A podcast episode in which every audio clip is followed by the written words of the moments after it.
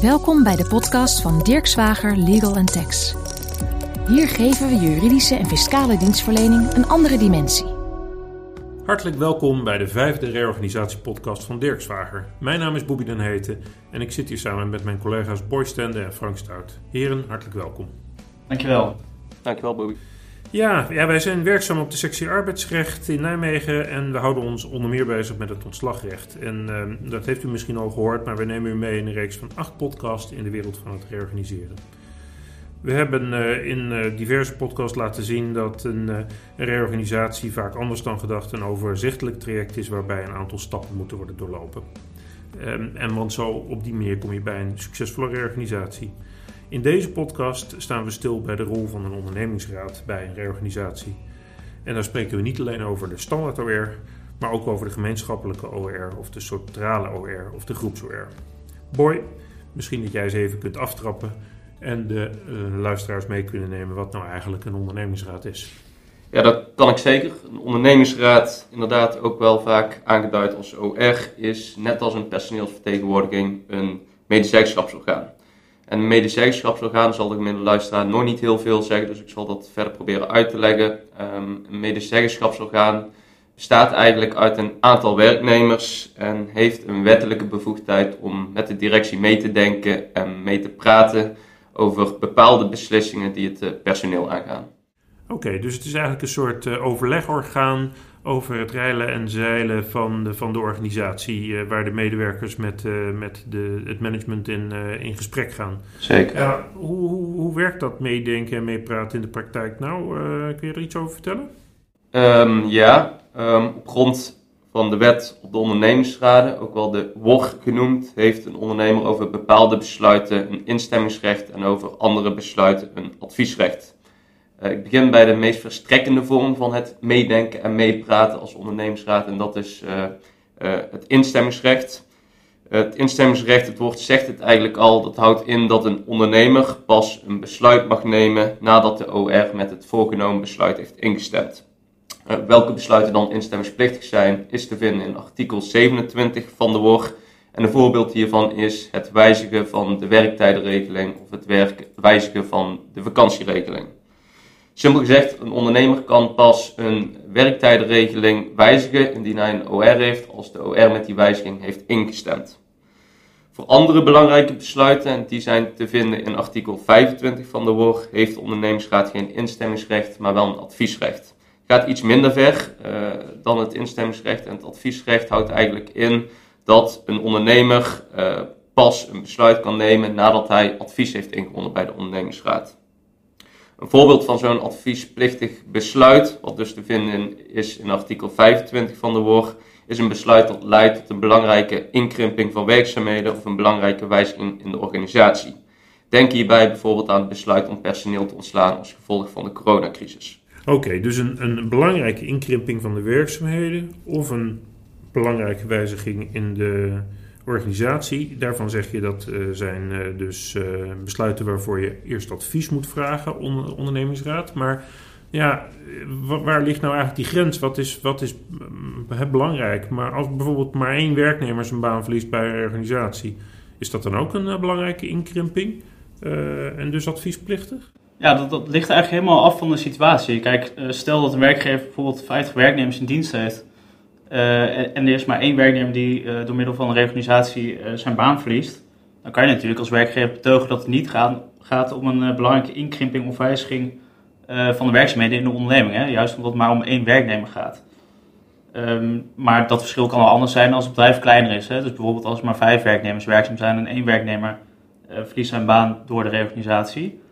Um, anderzijds moet je als werkgever ook goed in de gaten houden dat uh, ook, ook al verliest maar één werknemer zijn baan, en dan kan het nog steeds gevolgen hebben voor de rest van de, van de organisatie. Hè? Dus een reorganisatie kan ook gevolgen hebben voor de overige werknemers die nog wel in dienst blijven. Uh, bijvoorbeeld in het geval dat een uh, managementlaag bijvoorbeeld verdwijnt. Nou, dan kan het zomaar zijn dat andere werknemers ook andere functies krijgen. En op die manier heeft reorganisatie ook gevolgen um, voor andere werknemers. Ja, oké. Dus als je de hele boel op zijn kop zet, maar er zijn maar weinig ontslagen, dan kan het toch nog een belangrijke wijziging zijn. Zeker. En, en dan moet je dus inderdaad ook advies vragen van de ondernemingsraad. Ja, ja dat uh, duidelijk. hey, maar uh, dan vraagt zo'n ondernemer, die vraagt advies aan de OR. En uiteindelijk is dan het, ja, het vervelende verhaal, wat in de huidige tijden niet ondenkbaar is, we moeten tien mensen ontslaan. Nou, dan zegt de ondernemingsraad, ik ben het er absoluut niet mee eens. Er is nog genoeg werk voor deze mensen. Dit moet je niet doen, ondernemer. Uh, dus uh, mijn advies is, doe het niet. Wat gebeurt er dan? Uh, moet de ondernemer zich dan aan dat advies houden? Nou, kijk, dit is eigenlijk het belangrijk verschil wat mijn collega Boy Sten net al heeft uitgelegd. Het is echt het verschil tussen instemmingsrecht en adviesrecht.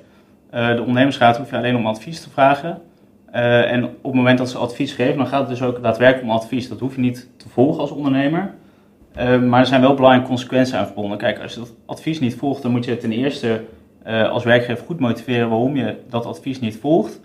Ehm, en ten tweede, zo staat ook uh, in de wet op de ondernemersraden, moet je dan uh, de uitvoering van je besluit met één maand opschorten. En dat is wel echt belangrijk om, om voor ogen te hebben. Um, en die maand waarbinnen je dat, dat besluit opschort, dat dient ervoor um, um, voor de ondernemingsraad om ook een beroep in te stellen bij de ondernemerskamer. Hè, als zij het niet eens zijn met uh, nou ja, dat je toch dat besluit gaat uitvoeren als, uh, als werkgever. Oké, dus dat kan een behoorlijke vertraging opleveren. Ja, zeker. zeker. Het is echt uh, goed voor ogen om. je moet het goed voor ogen hebben als werkgever. ja, je, nou ja, je moet er gewoon rekening mee houden, inderdaad. Hey, en, en, als ik dan zeg, nou, dan vraag ik maar geen advies. Um, nou ja, je zou natuurlijk kunnen betogen van, hè, je vraagt dan geen advies en ik voer mijn besluit gewoon door. Um, het probleem is alleen dat hè, als je een ontslagaanvraag indient bij het UWV, dan zal het UWV altijd controleren uh, of je om advies had moeten vragen en of je dat dan ook daadwerkelijk hebt gedaan.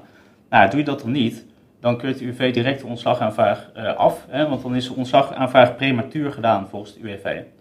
Um, datzelfde geldt overigens ook uh, voor de situatie dat je wel om advies hebt gevraagd, maar het advies negatief is en als werkgever toch besluit om, om binnen die maand uh, wachttermijn, om het zo maar even te noemen, om toch dat besluit uit te voeren. Oké, dus het, negeren van uh, zeg maar dat medezeggenschapsorgaan is echt een slecht idee. Want dan kom je in nog veel grotere problemen. Los van het feit dat het natuurlijk uh, eigenlijk heel gek is om je OR niet serieus te nemen. Klopt, zeker, zeker. En dat is dan ook meteen een belangrijke tip, hè? Om, om juist ook de ondernemersraad in een vroegtijdig stadium mee te nemen. En, en ook om je vooral aan alle procedurele aspecten te houden.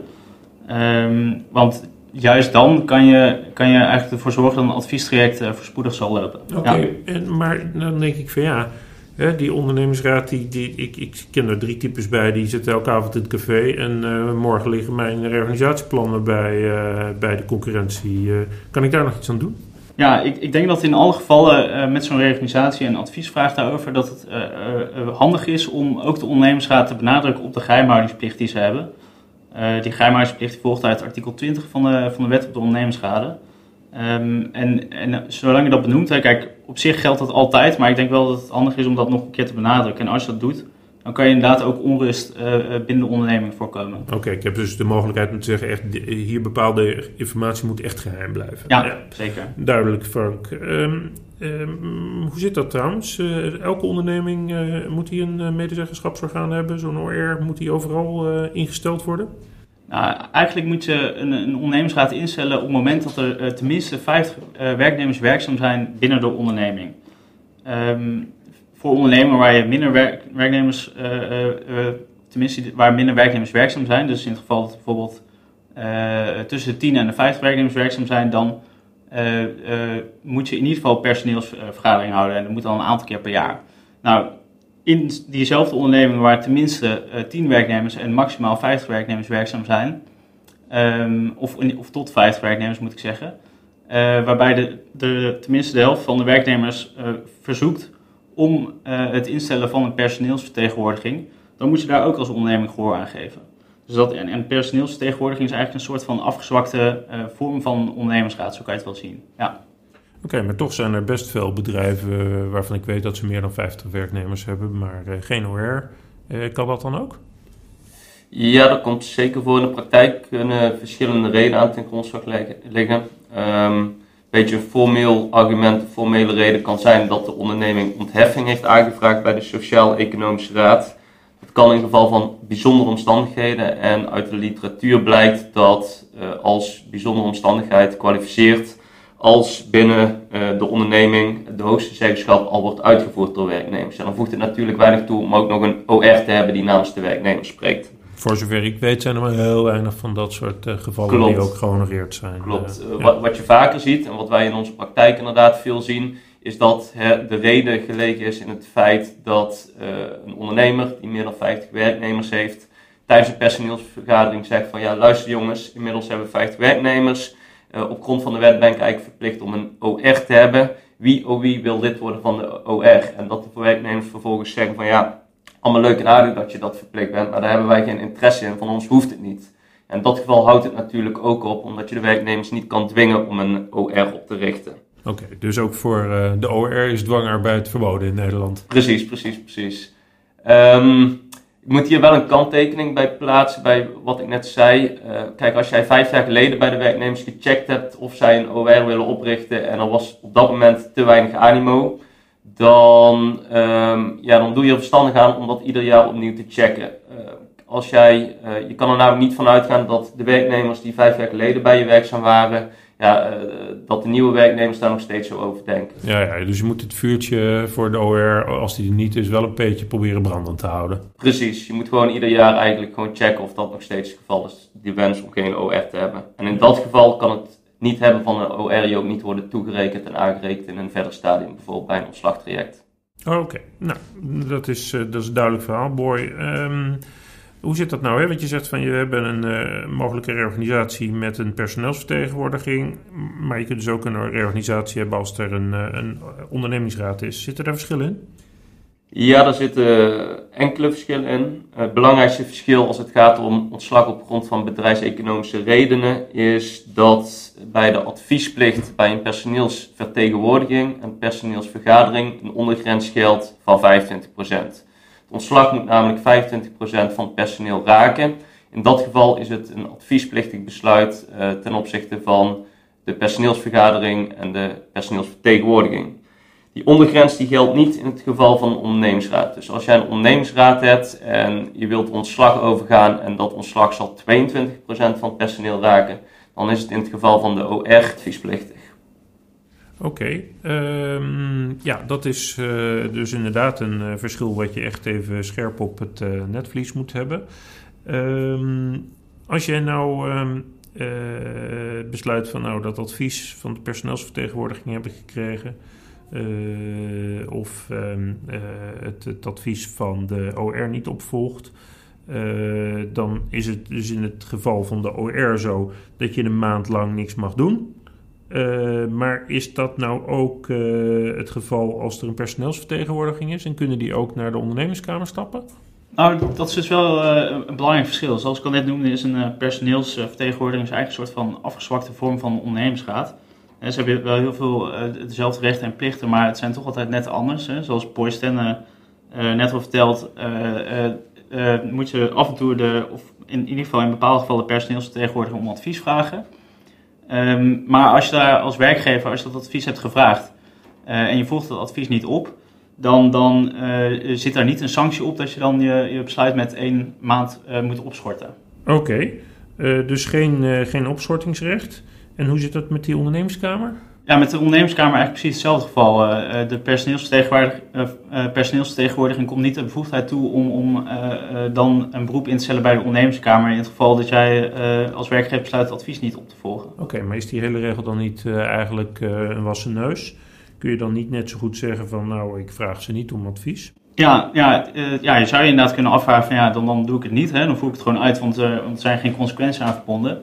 Uh, dat is een fout gedachte, want uh, het UWV gaat zeker wel kijken of je inderdaad om advies hebt gevraagd, uh, in de geval dat het ook moet. en heb je dat niet gedaan, dan geldt eigenlijk toch weer dezelfde regeling als bij een ondernemingsraad. Dan, dan is de ontslagaanvraag prematuur. Oh, Oké, okay. dus dan loop je niet vast in het medezeggenschapstraject, maar wel in het ontslagtraject. ja, dan is het dus echt wel heel belangrijk in alle gevallen dat je een, een, een zekere mate van personeel hebt en, en daar een fors deel van wilt gaan ontslaan via een reorganisatie om hier goed naar te kijken. Zeker, ja. Um, ik heb nog een laatste vraag aan jou, Boy. Uh, heb je nog uh, algemene tips voor werkgevers met betrekking tot de rol van de ondernemingsraad of de personeelsvertegenwoordiging? Um, ja, dan val ik wel een beetje in herhaling, maar ik denk wel dat de belangrijkste tip is inderdaad om de rechten van een ondernemingsraad uh, serieus te nemen. Als je die negeert en als je te vlug overgaat tot een ontslagaanvraag, Frank zei het net al, Um, en dan loopt dat traject vaak verderop vast. UWV zal de ontslagaanvragen afwijzen. En als je dan uh, opnieuw langs de OR moet, want dat moet je dan, je, je, bent weer terug bij af, je moet weer opnieuw beginnen. dan kan je natuurlijk op flinke tegengas van de OR. Uh, ja, ja dan zal het wel een moeizaam verhaal worden daar. Uh. Precies, die zullen zich gepasseerd voelen. Ja, die gaan hele kritische vragen stellen, kan ja, je zeggen. Begrijpelijk.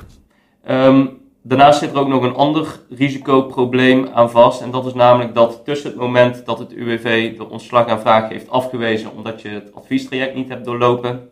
En het moment dat jij weer een nieuwe ontslagaanvraag hebt ingediend na het doorlopen van een adviesaanvraag. En dan kunnen werknemers zich ziek melden. En ja, dan krijg je te maken met opzegverbod. En dat maakt de situatie ook onnodig complex. Dus mijn advies is, uh, neem de rechten van de medische serieus. Ja, ja ik, ik wil nog wel even graag op, uh, op aanhaken. Of in ieder geval nog meer, uh, uh, ja, in het kader van, van tips geven, nog een meer algemene tip geven.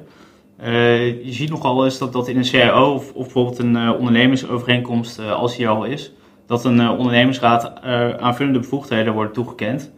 Um, dus meer in het algemeen lijkt het er mij, of is in ieder geval het advies, dat het altijd handig is om, om alle vraagstukken waarbij de OR moet worden betrokken om even na te gaan of die uh, ondernemingsraad uh, aanvullende bevoegdheden heeft. Oké, dus het is niet alleen genoeg om in de wet te kijken, maar je moet ook even zien of er niet nog andere afspraken op bedrijfsniveau zijn gemaakt. Zeker, ja. ja, ja het zou natuurlijk vervelend zijn als je ineens uh, voor onverwachte verrassingen komt staan. Oké, mooi. Nou, ik denk dat dit ons brengt bij het einde van de podcast. ik hoop dat de luisteraars veel opgestoken hebben. Ik wil mijn collega's Boy Stenden en Frank Stout hartelijk danken voor hun inbreng. En uh, u bedanken voor het luisteren.